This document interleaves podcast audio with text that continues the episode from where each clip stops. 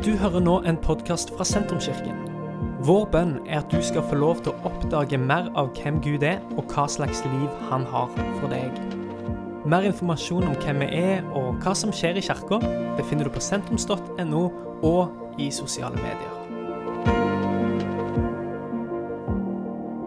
For de som ikke har vært her gjennom denne høsten, så har en da ikke fått med seg at vi har en serie som går gjennom egentlig da flere uker og flere måneder har det blitt, der vi eh, går gjennom salmene fra salme 120 til salme 134. Dette er de salmene som kalles for salmene med festreisende, som er, var sangene som, eh, som israelsfolket sang når en var på vei til de tre årlige høytidene i Jerusalem. Og som troende jøde så var det eh, Jeg vet ikke om det var pålagt, men det var forventa at en da tre ganger i året drog til disse store høytidene eh, for å tilbe i tempelet i Jerusalem. Eh, og Da var det ikke biler tilgjengelig, og ikke, en kunne heller ikke fly. Så det de fleste gjorde, var å gå. Og skal du gå, nesten, selv om det ikke er så store avstander, så tar det lang tid. Eh, og i, det, eh, og i liksom prosessen av å gå opp mot Jerusalem så sang en disse her sangene ved festreisene. Hver av disse salmene har eh, viktige ting å fortelle oss om hva det vil si å være en etterfølger. Og vi har tatt utgangspunkt denne høsten i Eugene Petersens bok som heter 'Lang lydighet', hvor, han, hvor hvert kapittel er er, er skrevet ut ifra en av disse salmene, og som henter ut ei side ved det kristne livet som, eh, som, eh, som er med og former oss. Og så er poenget til Eugene Petersen, og det er derfor vi fortsatt er inne på dette temaet etter etter flere måneder det er at vi, eh, vi, trenger lang lydighet. Vi trenger å lære oss lang lydighet i det som har blitt til en øyeblikkskultur. Der vi lever så ofte på impuls, der, vi, eh, der oppmerksomheten vår fanges av øyeblikket og av det. Og særlig så har jo sosiale medier og Eh, mediebildet og skjermene har jo da bare ødelagt for oss. Og særlig stakkars den som vokser opp i alt dette, og som får ødelagt oppmerksomheten sin på en sånn måte at en må ha den der stadige impulsen for å kunne ta eh, for, eh, og, og, og, på en måte mangle evnen kanskje til å sette retning og fortsette i den retningen lenge. Og Så er det da den gamle ateisten og filosofen Fredrik Nietzsche, som da sikkert ikke ville vært veldig fornøyd med at eh, kristne har tatt tak i, eh, i, dette sitatet fra han, men han sier at det ser ut som at eh, det som gjør det verdt å leve på jorda, som gjør det meningsfullt eh, å leve på jorda, det er at eh, det er lang lydighet i samme retning. Ut av det så har det alltid blitt skapt noe, og vil alltid bli skapt noe, som gjør livet godt eh, og meningsfullt. I dag så har vi kommet til eh, fellesskap. Salme 133, som vi skal lese litt seinere. Eh, og eh, nå har vi jo òg trådt inn i adventstid, som, som, Kenneth helt korrekt sier. Advent eh, det, det betyr faktisk ikke å vente. Det, er, det kan vi huske på. Advent betyr komme. Det er at Jesus kommer. Eh, og så venter vi jo òg på det, så det, sånn sett så er det ikke helt eh, feil å bruke det ordet heller. Jul er en av de arenaene i Norge som fortsatt, mener jeg, skaper fellesskap. Eh, det skaper jo òg selvsagt utenforskap. og Det er alltid noen som føler seg utenfor, og som føler seg ensomme. Men uttrykket 'hjem til jul' det, det fins der av en grunn. Det, det det er juletid, og da søker en mot det som gir en tilhørighet, eh, der som en kjenner fellesskap. Og I Norge så har vi vært flinke til å bygge det rundt kjernefamilien. Eh, og òg rundt jul så er det bygd rundt storfamilien. Og så er det deler av hvorfor jul er en fellesskapstid, og det er jo genialt at midt på den mørkeste tida i året så pynter vi med lys, og så, eh, så, så eh, har en god mat, og så har en den forventningen, en ser fra, en gir gaver til hverandre, en fyller den mørkeste eh, eh, tida av året med noe som er meningsfullt, noe som er kjekt. Og så er det en større historie her òg. For det skaper fellesskap ikke bare i familien, men det skaper fellesskap i samfunnet òg. Eh, det er ikke bare noen som pynter med lys, men alle nesten pynter med lys. Det er ikke bare ei stjerne rundt forbi, men det er stjerner overalt. Eh, det er ikke bare ett juletre, men nesten alle har juletre. Det er ikke bare jeg som hører på julesanger eh, eh, i desember. Eh, det gjør nesten alle. Faktum er det at opptil flere av dere har begynt å høre på julesang i november.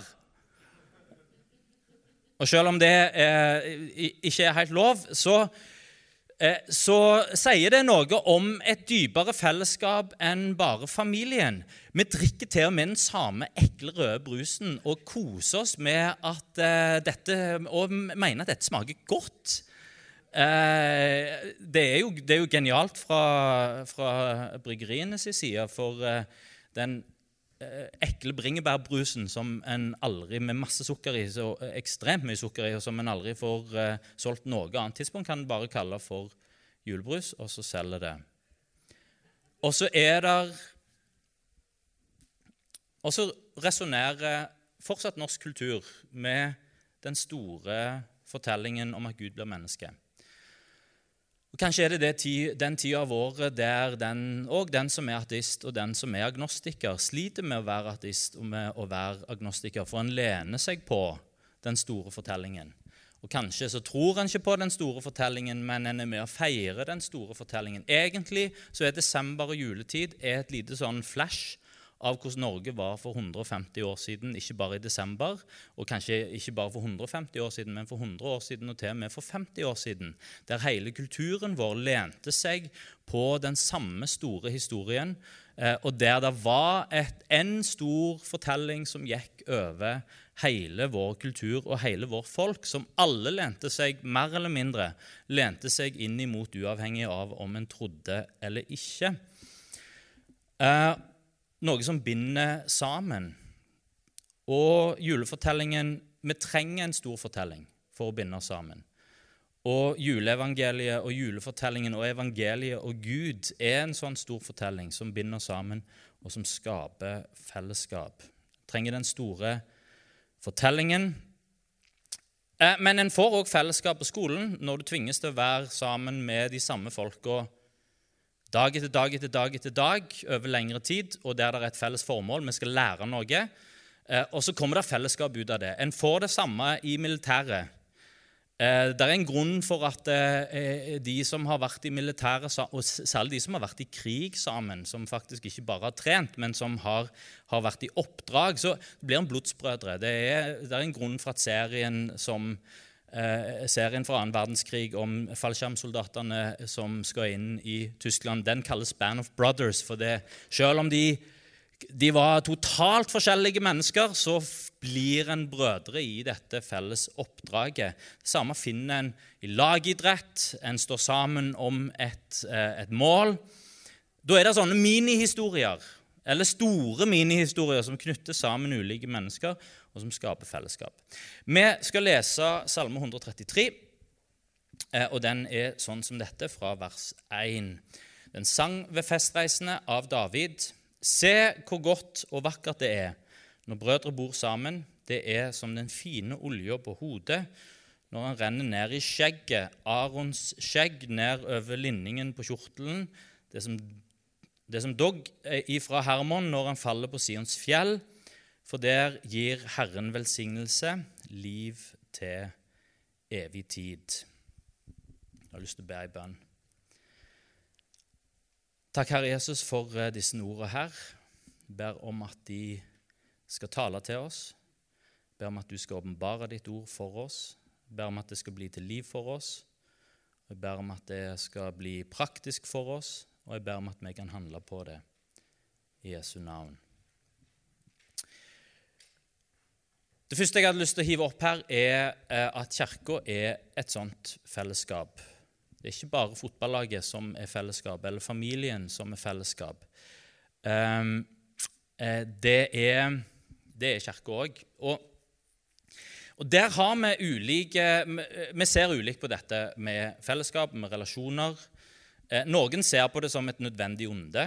Det er nærmest som en sånn skatt som må betales. som jeg, jeg, jeg jeg trenger det, derfor investerer jeg i det. For det i bakhodet så har en jo ok, En gir kanskje ikke sin skatt, eller en betaler kanskje ikke sin skatt med glede, men i bakhodet så vet en at noen av disse tingene kommer tilbake til meg i form av at når jeg er syk, så får jeg eh, så får jeg sykepenger og, eh, og eh, helse, og der er skoleutdanning for mine barn, og der er pensjon osv. Så, videre. så det er et nødvendig onde. Jeg betaler min skatt. Om jeg ikke gjør det med glede, så vet jeg at jeg får bruk for det seinere. På samme måte er det kanskje med fellesskapet, da, særlig i familien, som er kanskje det første som vi tenker på når en tenker på fellesskap. At, og særlig når en vokser opp. at Eh, jeg utholder det, eh, selv om jeg kanskje ikke syns det er så eh, fint alltid. Ehm, kanskje kjenner en det igjen fra jobben, der en har en sånn kjempeentusiastisk, sånn fellesskapsrelasjonsorienterte leder som insisterer på at en skal ut på masse teambyggingsgreier hele tida. Eh, og der, eh, ikke, der alltid er no, noen entusiaster som elsker, elsker det. Og så har en en, som regel ei god gruppe med mennesker som tenker på, hva, eh, tenk på alt det produktive vi kunne fått gjort i løpet av denne tida som vi bruker på å skyte med pil og bue eller gjøre et eller annet meningsløst. Um, så en ser på fellesskap som et nødvendig uh, onde. Her i teksten så snakkes det om brødre. Eh, og det er ikke sikkert at det alltid er gode erfaringer en har, eller gode opplevelser med å vokse opp med brødre og søstre. Kanskje òg fordi at når en vokser opp, så er en jo ikke altså Utgangspunktet for livet er en sjøl. Eh, en er, en, en er, født som egoister, eh, og etter hvert i oppveksten så lærer en kanskje å bli mindre og mindre egoister. Men det er klart det å ha fellesskap med masse andre som òg er i utgangspunktet egoister eh, det, Da er jo det at en er mange, det er jo en konkurranse om oppmerksomhet. Det er òg en konkurranse om ressurser. Altså Jeg er oppvokst med fem søsken. Og sammenligner ofte hva på en måte som var tilgjengelig av ressurser eh, i forhold til noen av de som var fra litt mindre familier. Jeg tenkte ok, hvis, at, uh, hvis mor og far hadde hatt litt mindre Hvis vi hadde vært to, eksempel, så hadde det vært enormt mye mer penger de kunne brukt på meg. Eh, og eh, det samme gjelder jo eh, det samme gjelder jo når en skal spise. Altså, jeg får stadig vekk eh, får jeg kommentarer i min familie på at jeg spiser altfor fort. Så, ja, men altså, det, De skulle bare visst Eh, at når du kommer til middagsbordet og du vet at den er fire brødre her, pluss ei søster pluss to foreldre eh, hvis du, eh, hvis du, tenker å bli mett, så, så, må du spise raskt og på en måte være den første til kotelettene og den første til kjøttkakene. Og den første til å forsyne seg andre, andre gang. Kanskje det som en kjenner igjen fra familien sin, er kranglinger. Krangling, konflikter, irritasjon. Eh, Altså, der er jo, Med mange søsken så er det jo, det er jo ek, hva det blir for noe, eksponentielt mange ting å irritere seg over. Eh, altså, Har du, har søster eller en bror, så er det på en måte én ting en kan Har du tre-fire av de, så, så er det jo, da kan du mangedoble dette. Eh, og, eh, og, særlig er jo dette, dette Dette burde alle som er eldst i sin familie, burde være, eh, burde kjenne igjen dette. For det, det, er akkurat som at yngre søsken har, ser på det som sin oppgave i livet. Eh, å plage og irritere og gjøre store søs, eh, søsken Gjør de eh, Ja, poke de eh, til det kommer lyd, og til det blir en reaksjon. Og, til, og, det, og det selvfølgelig, hvis det spiller ut i noe som ikke blir bra, at noen blir slått eller noen blir banket opp, eller et eller annet sånt, hvem er det da som får skylda? Jo, det er jo ikke den som poker og irriterer, men det er jo selvsagt den, eh, den største som burde vite bedre. Hvor godt det er når brødre bor sammen.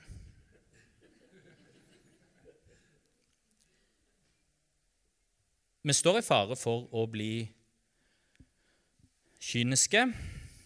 En står i fare for å isolere oss fra andre. En vil beskytte seg sjøl. En vil beskytte seg fra å bli såra, beskytte seg fra å bli tråkka på, eh, beskytte seg fra å bli irritert. Eh,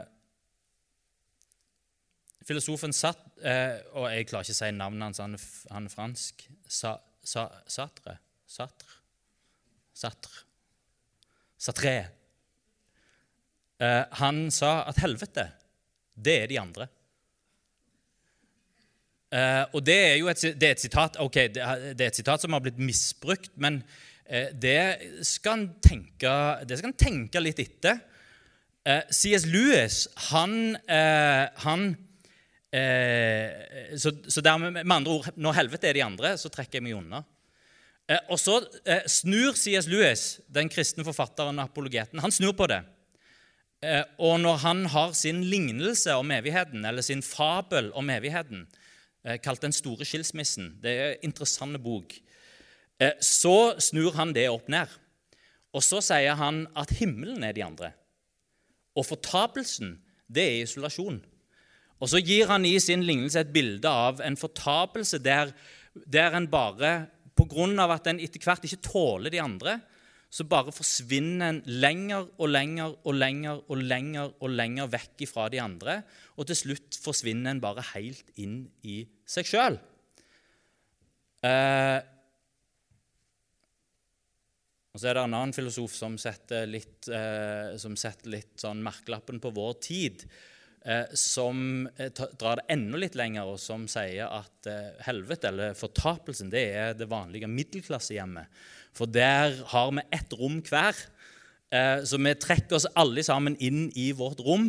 Og så har vi én skjerm hver, og så trekker vi oss alle sammen ikke bare er vi eh, ett rom hver, men hvert hus har på en måte sin, sin, eh, sitt land der en der avstand til de andre. Og så innad i huset så har vi hvert vårt rom. Og i vårt rom så har vi hver vår skjerm.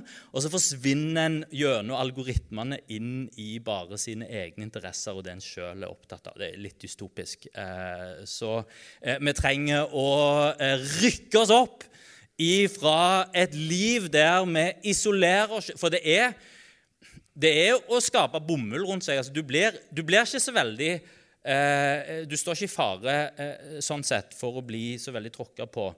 Eh, en kan bli det online, eh, det kan en, eh, men når en isolerer seg ifra andre Hvordan unngår vi fellesskap? Trekk oss ned inn i, i mindre enheter og inn i oss sjøl.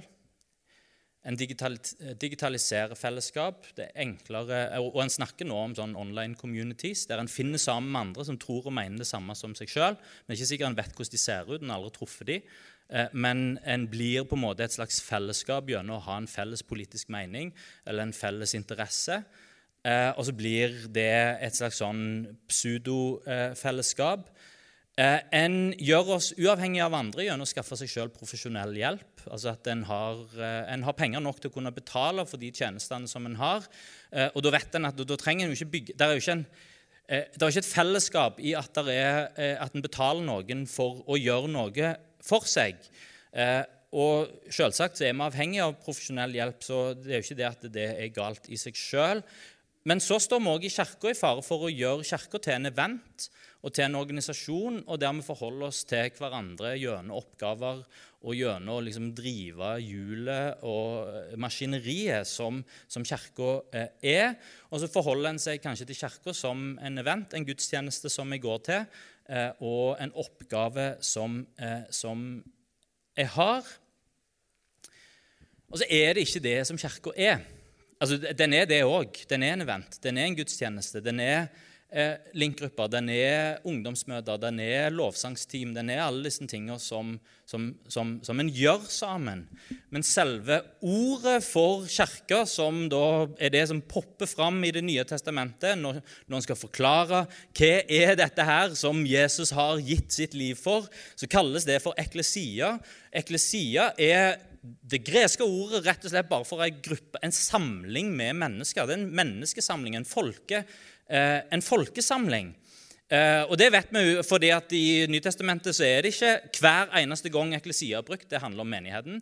Noen, ganger, noen steder blant annet, ja, samme det, men noen steder så blir det bare brukt om en vanlig si, samling, mobb av mennesker som demonstrerer og som kommer og roper og hoier. Eh, det En folkehop, en menneskeansamling, et fellesskap, det er det som Kirka er. En kan ikke skille fellesskapet fra troa.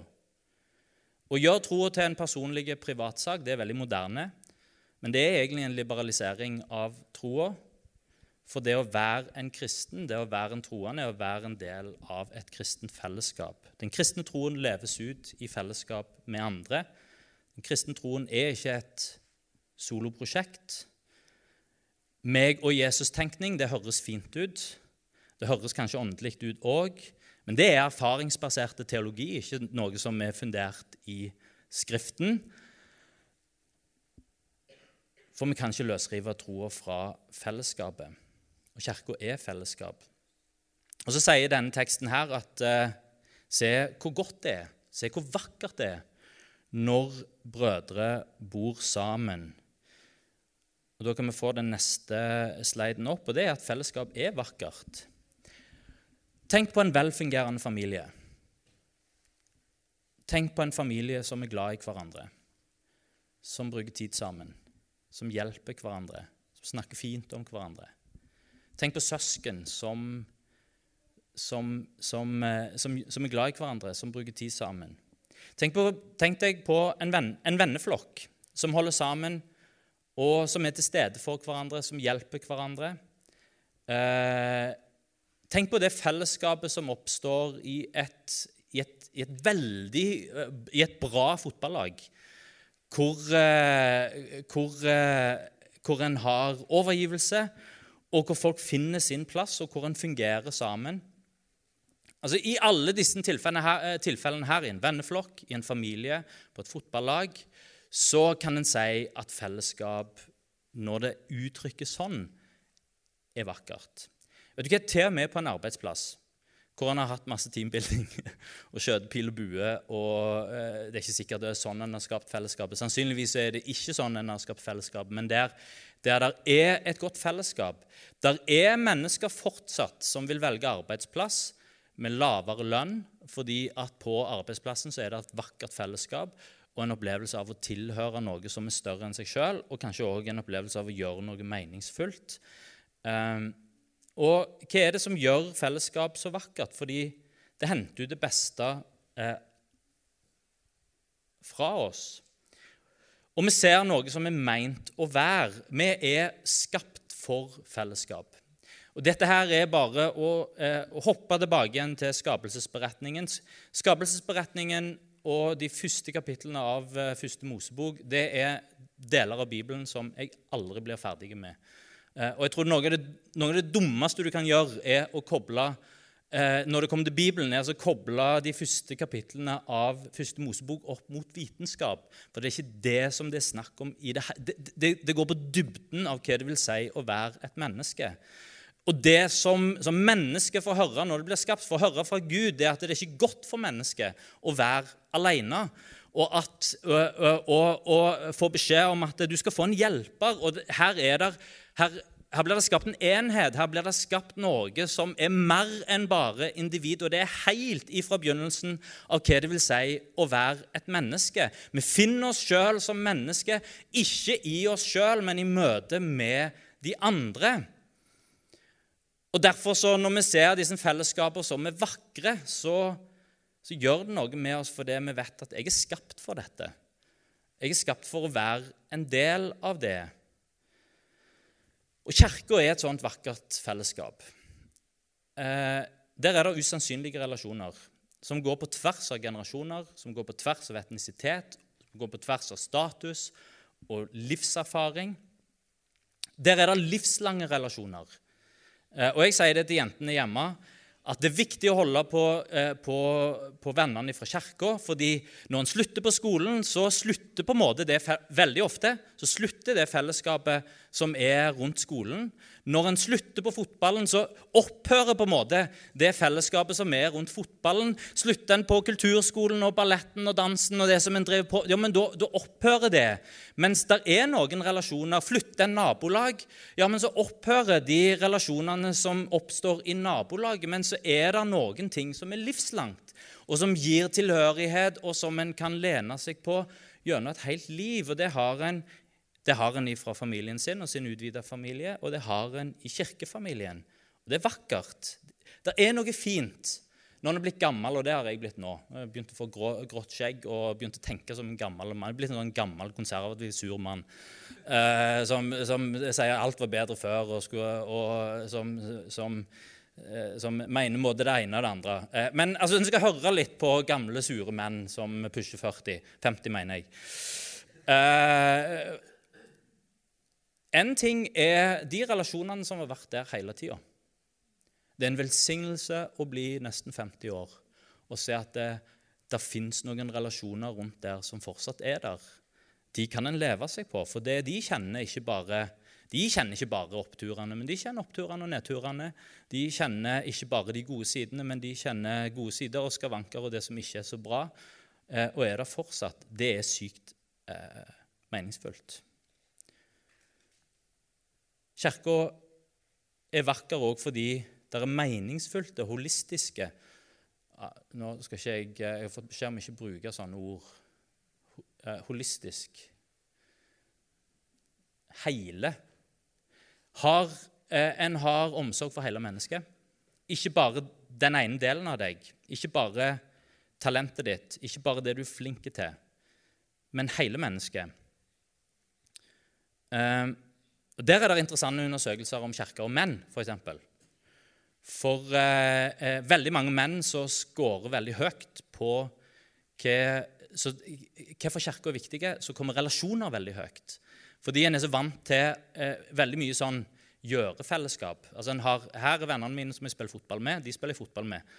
Og så snakker vi fotball når en er ferdig å spille fotball. Og så eh, snakker en ikke mer med den personen før neste gang en skal spille fotball. Eh, og sånn er det fort på jobben òg. Her er kollegaen min. og eh, der, Her er det en kollega som jeg har jobbet med i ti år. Jeg vet ikke hva navnet på kona er, men jeg kan alt om hva den kollegaen der eh, Og jeg vet iallfall ikke eh, eh, navnet på ungene, men jeg kan alt om hva den kollegaen kan på jobb. Mens når en kommer inn i kirka, så får en et fellesskap der en faktisk kan be sammen med noen. Der en faktisk kan, der, der en deler fra livet sitt, og der en tar med seg hele livet, eh, forhåpentligvis, inn i relasjonen. Kirka er vakker fordi det er både et gjøre- og være-fellesskap. Den er vakker fordi den gir mulighet både til å gi og ta imot omsorg. Hvis en vil være med å skape dette vakre, eh, så, så er det en hemmelighet i teksten her. Se hvor godt det er når brødre bor sammen. Eh, og det er ikke eh, det, det, er ikke, det, er ikke, en oppmuntring til samboerskap. Eh, men eh, det, det, nøkkel, det er allikevel en nøkkel i dette. Nøkkelen til å skape et vakkert fellesskap er å ikke komme innom, men å bo over tid. Det er forskjell på fellesskapet som skapes gjennom å komme innom, eller komme på besøk, og fellesskapet som skapes ved å bo. Eh, hvordan vet en det? Jo, fordi eh, du kan komme på besøk til en familie, og det er kjempekjekt å være der. Eh, og du kan på en måte nyte godt av atmosfæren og alt som er der. Men, men det er klart, det å bo eh, i det, det er litt annerledes. Det kommer med en litt sånn det, det, kommer jo med en pakke, så derfor så skremmer det litt. Eh, men det er ut av forpliktelse at det vakre skapes. Alle vakre fellesskap har dette til felles, at det er forpliktelse som ligger i bånn. Et fotballag uten forpliktelse fra de som, eh, de som tilhører fotballaget. Jeg kommer på trening når jeg gidder. Eh, altså Der mister de som har lyst å være med på dette, de mister jo motivasjonen. Eh, mens et fotballag der der er en sånn felles, der er en felles forpliktelse, det blir vakkert. Eh, og der kan en skape noe. Et ekteskap. En tenker at et ekteskap det er grunnlagt på kjærlighet. Eh, men, men, men det, det, lærer vi jo, og særlig sånn som vi definerer, som en, i populærkulturen definerer kjærlighet, at kjærlighet blir den følelsen som en hele tida går og kjenner på. Kjærligheten forsvant osv. Eh, eller kjærligheten kom, eller kjærligheten dukket opp, eller de fant kjærligheten. Eh, så er det jo noe mer enn kjærlighet som kommer inn i miksen av et godt ekteskap. Det er jo en forpliktelse som sier i sykdom og helse, i gode og onde dager eh, og ekteskapet er vakkert fordi det er både kjærlighet og forpliktelse. Vil du ha et vakkert fellesskap i din familie, forplikt deg til familien. Vil du ha vakre vennskap, forplikt deg til vennene dine. Og vil du oppleve kirka sånn, som er sånn som en er meint til å være, så forplikt deg til kirka, brødre som bor sammen. Og så er fellesskap en velsignelse, og det er mitt siste poeng her. Eh, for her snakkes Og det er jo litt rart bilde som vi ikke griper umiddelbart, selv om eh, det er klart med så mye fokus det har vært på skjegg de siste 20 åra, og med skjeggolje skal han jo faktisk òg ha. Det, det, det, det fins i skapet mitt. Eh, jeg vet ikke hvordan en bruker det. Uh, men, men uh, jeg bare ser for meg at det glinser altfor mye.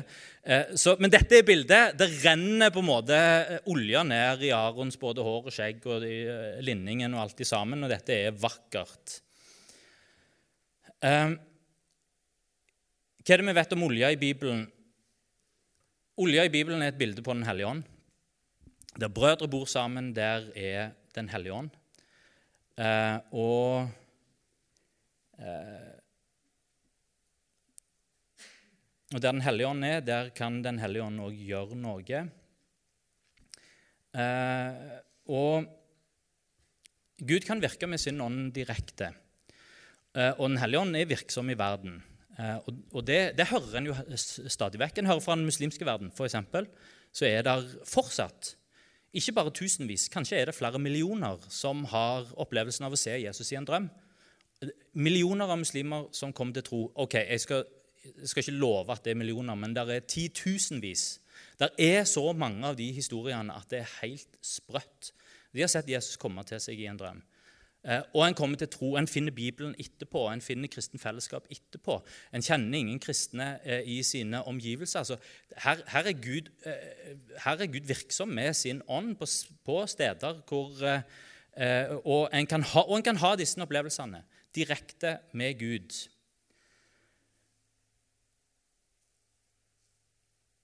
Men så virker Gud med sin ånd gjennom andre mennesker fordi han har salva andre mennesker. Eh, han helbreder gjennom andre mennesker, både fysisk og sjelelig. Eh, både momentant og gjennom prosess. Både i samtale og i forbønn. Både i omsorg og i tjeneste. Eh, og bare for å være litt personlig gitt at min far døde for halva, Nei, hvor lenge siden? Det er snart to år siden. Da var jeg langt nede og egentlig, hadde det egentlig ganske mørkt. Og i den prosessen der så var det venner som var samtalepartnere. Eh, der var venner som ba. Eh, der var andre som gjorde praktiske tjenester, faktisk.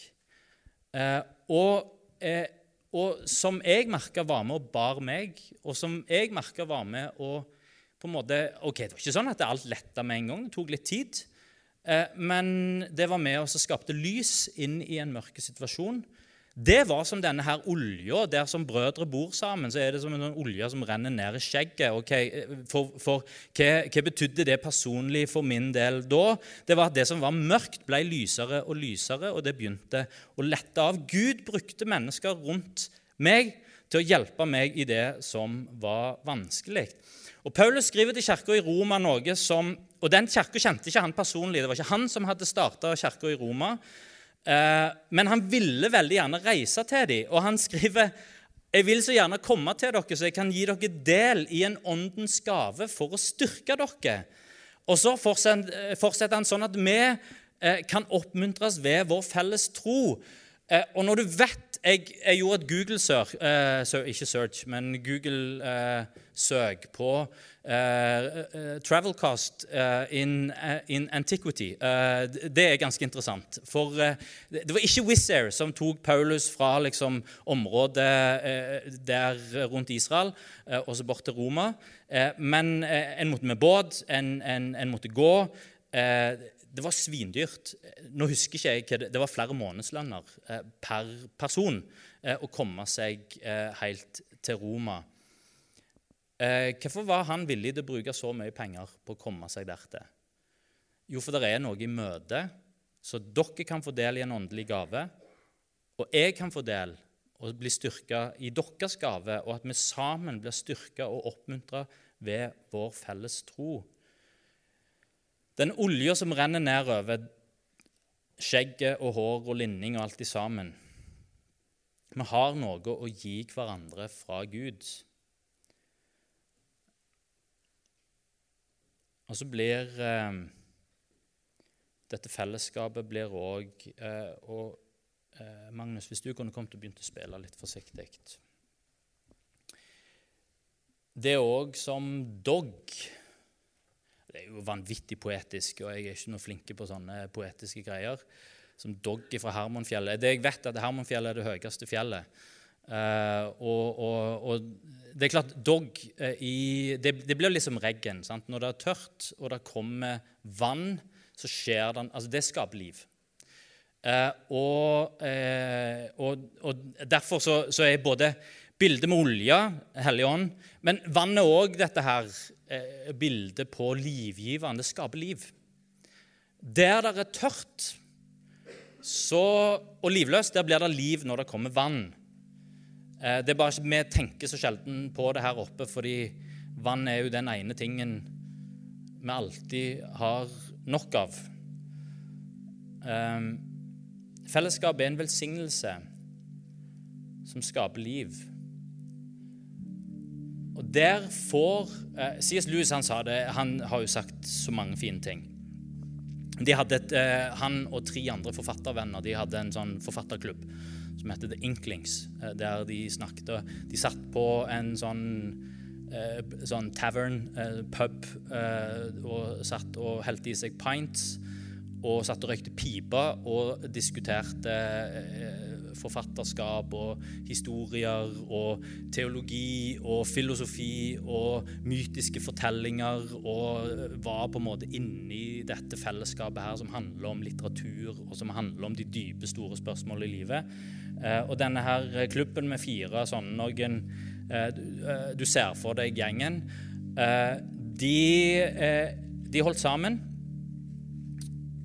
lenge. Jeg tror de holdt sammen gjennom hele livet. Og Da sier C.S. Lewis når en av de døde, at det var Når han døde, så var det akkurat som noe i meg døde. Fordi eh, han, og jeg husker ikke hvem det var av de, hentet, han var den eneste som klarte å hente fram denne sida i meg. Eh, og han var den eneste som klarte å hente fram dette i vårt fellesskap. Eh, så når han døde, så mangla på en måte ikke bare han, men han, så mangla det som han skapte i meg, og så mangla det som han skapte i vårt fellesskap. Og for en vakker måte å se på hvilken betydning vi har for hverandre.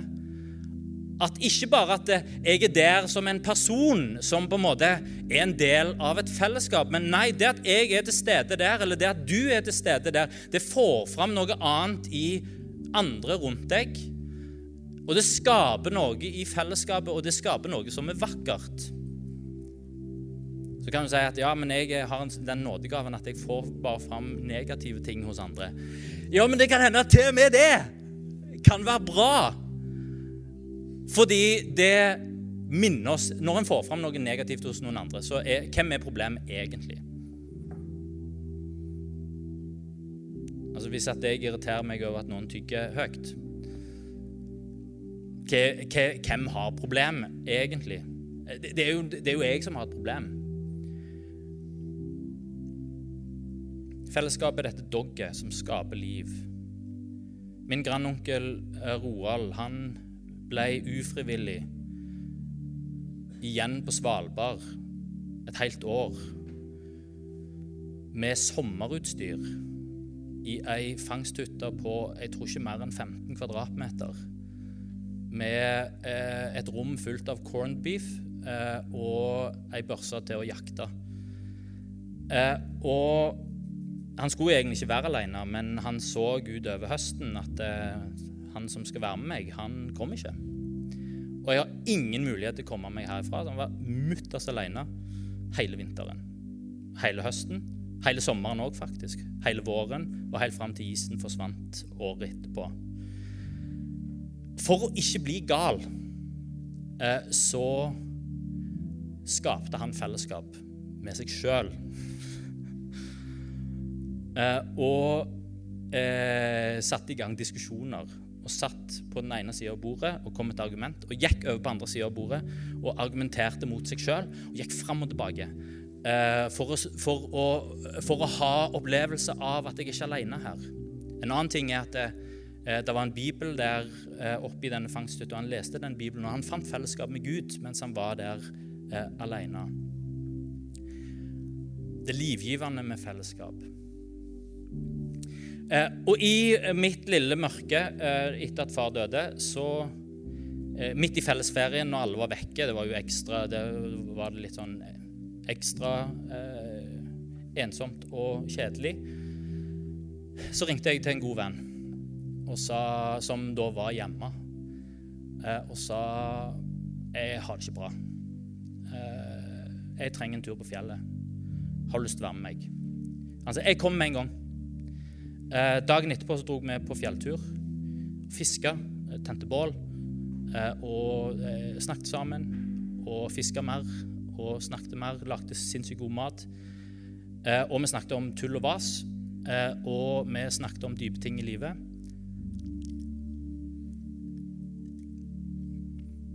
Så løfta mørket. Så var det som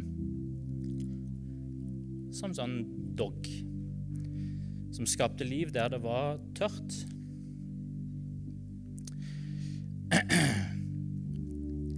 Hvis du vil oppleve vakkert fellesskap, så forplikt deg.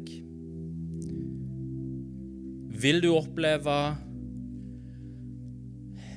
dette dogget, ja, men da inviter det inn.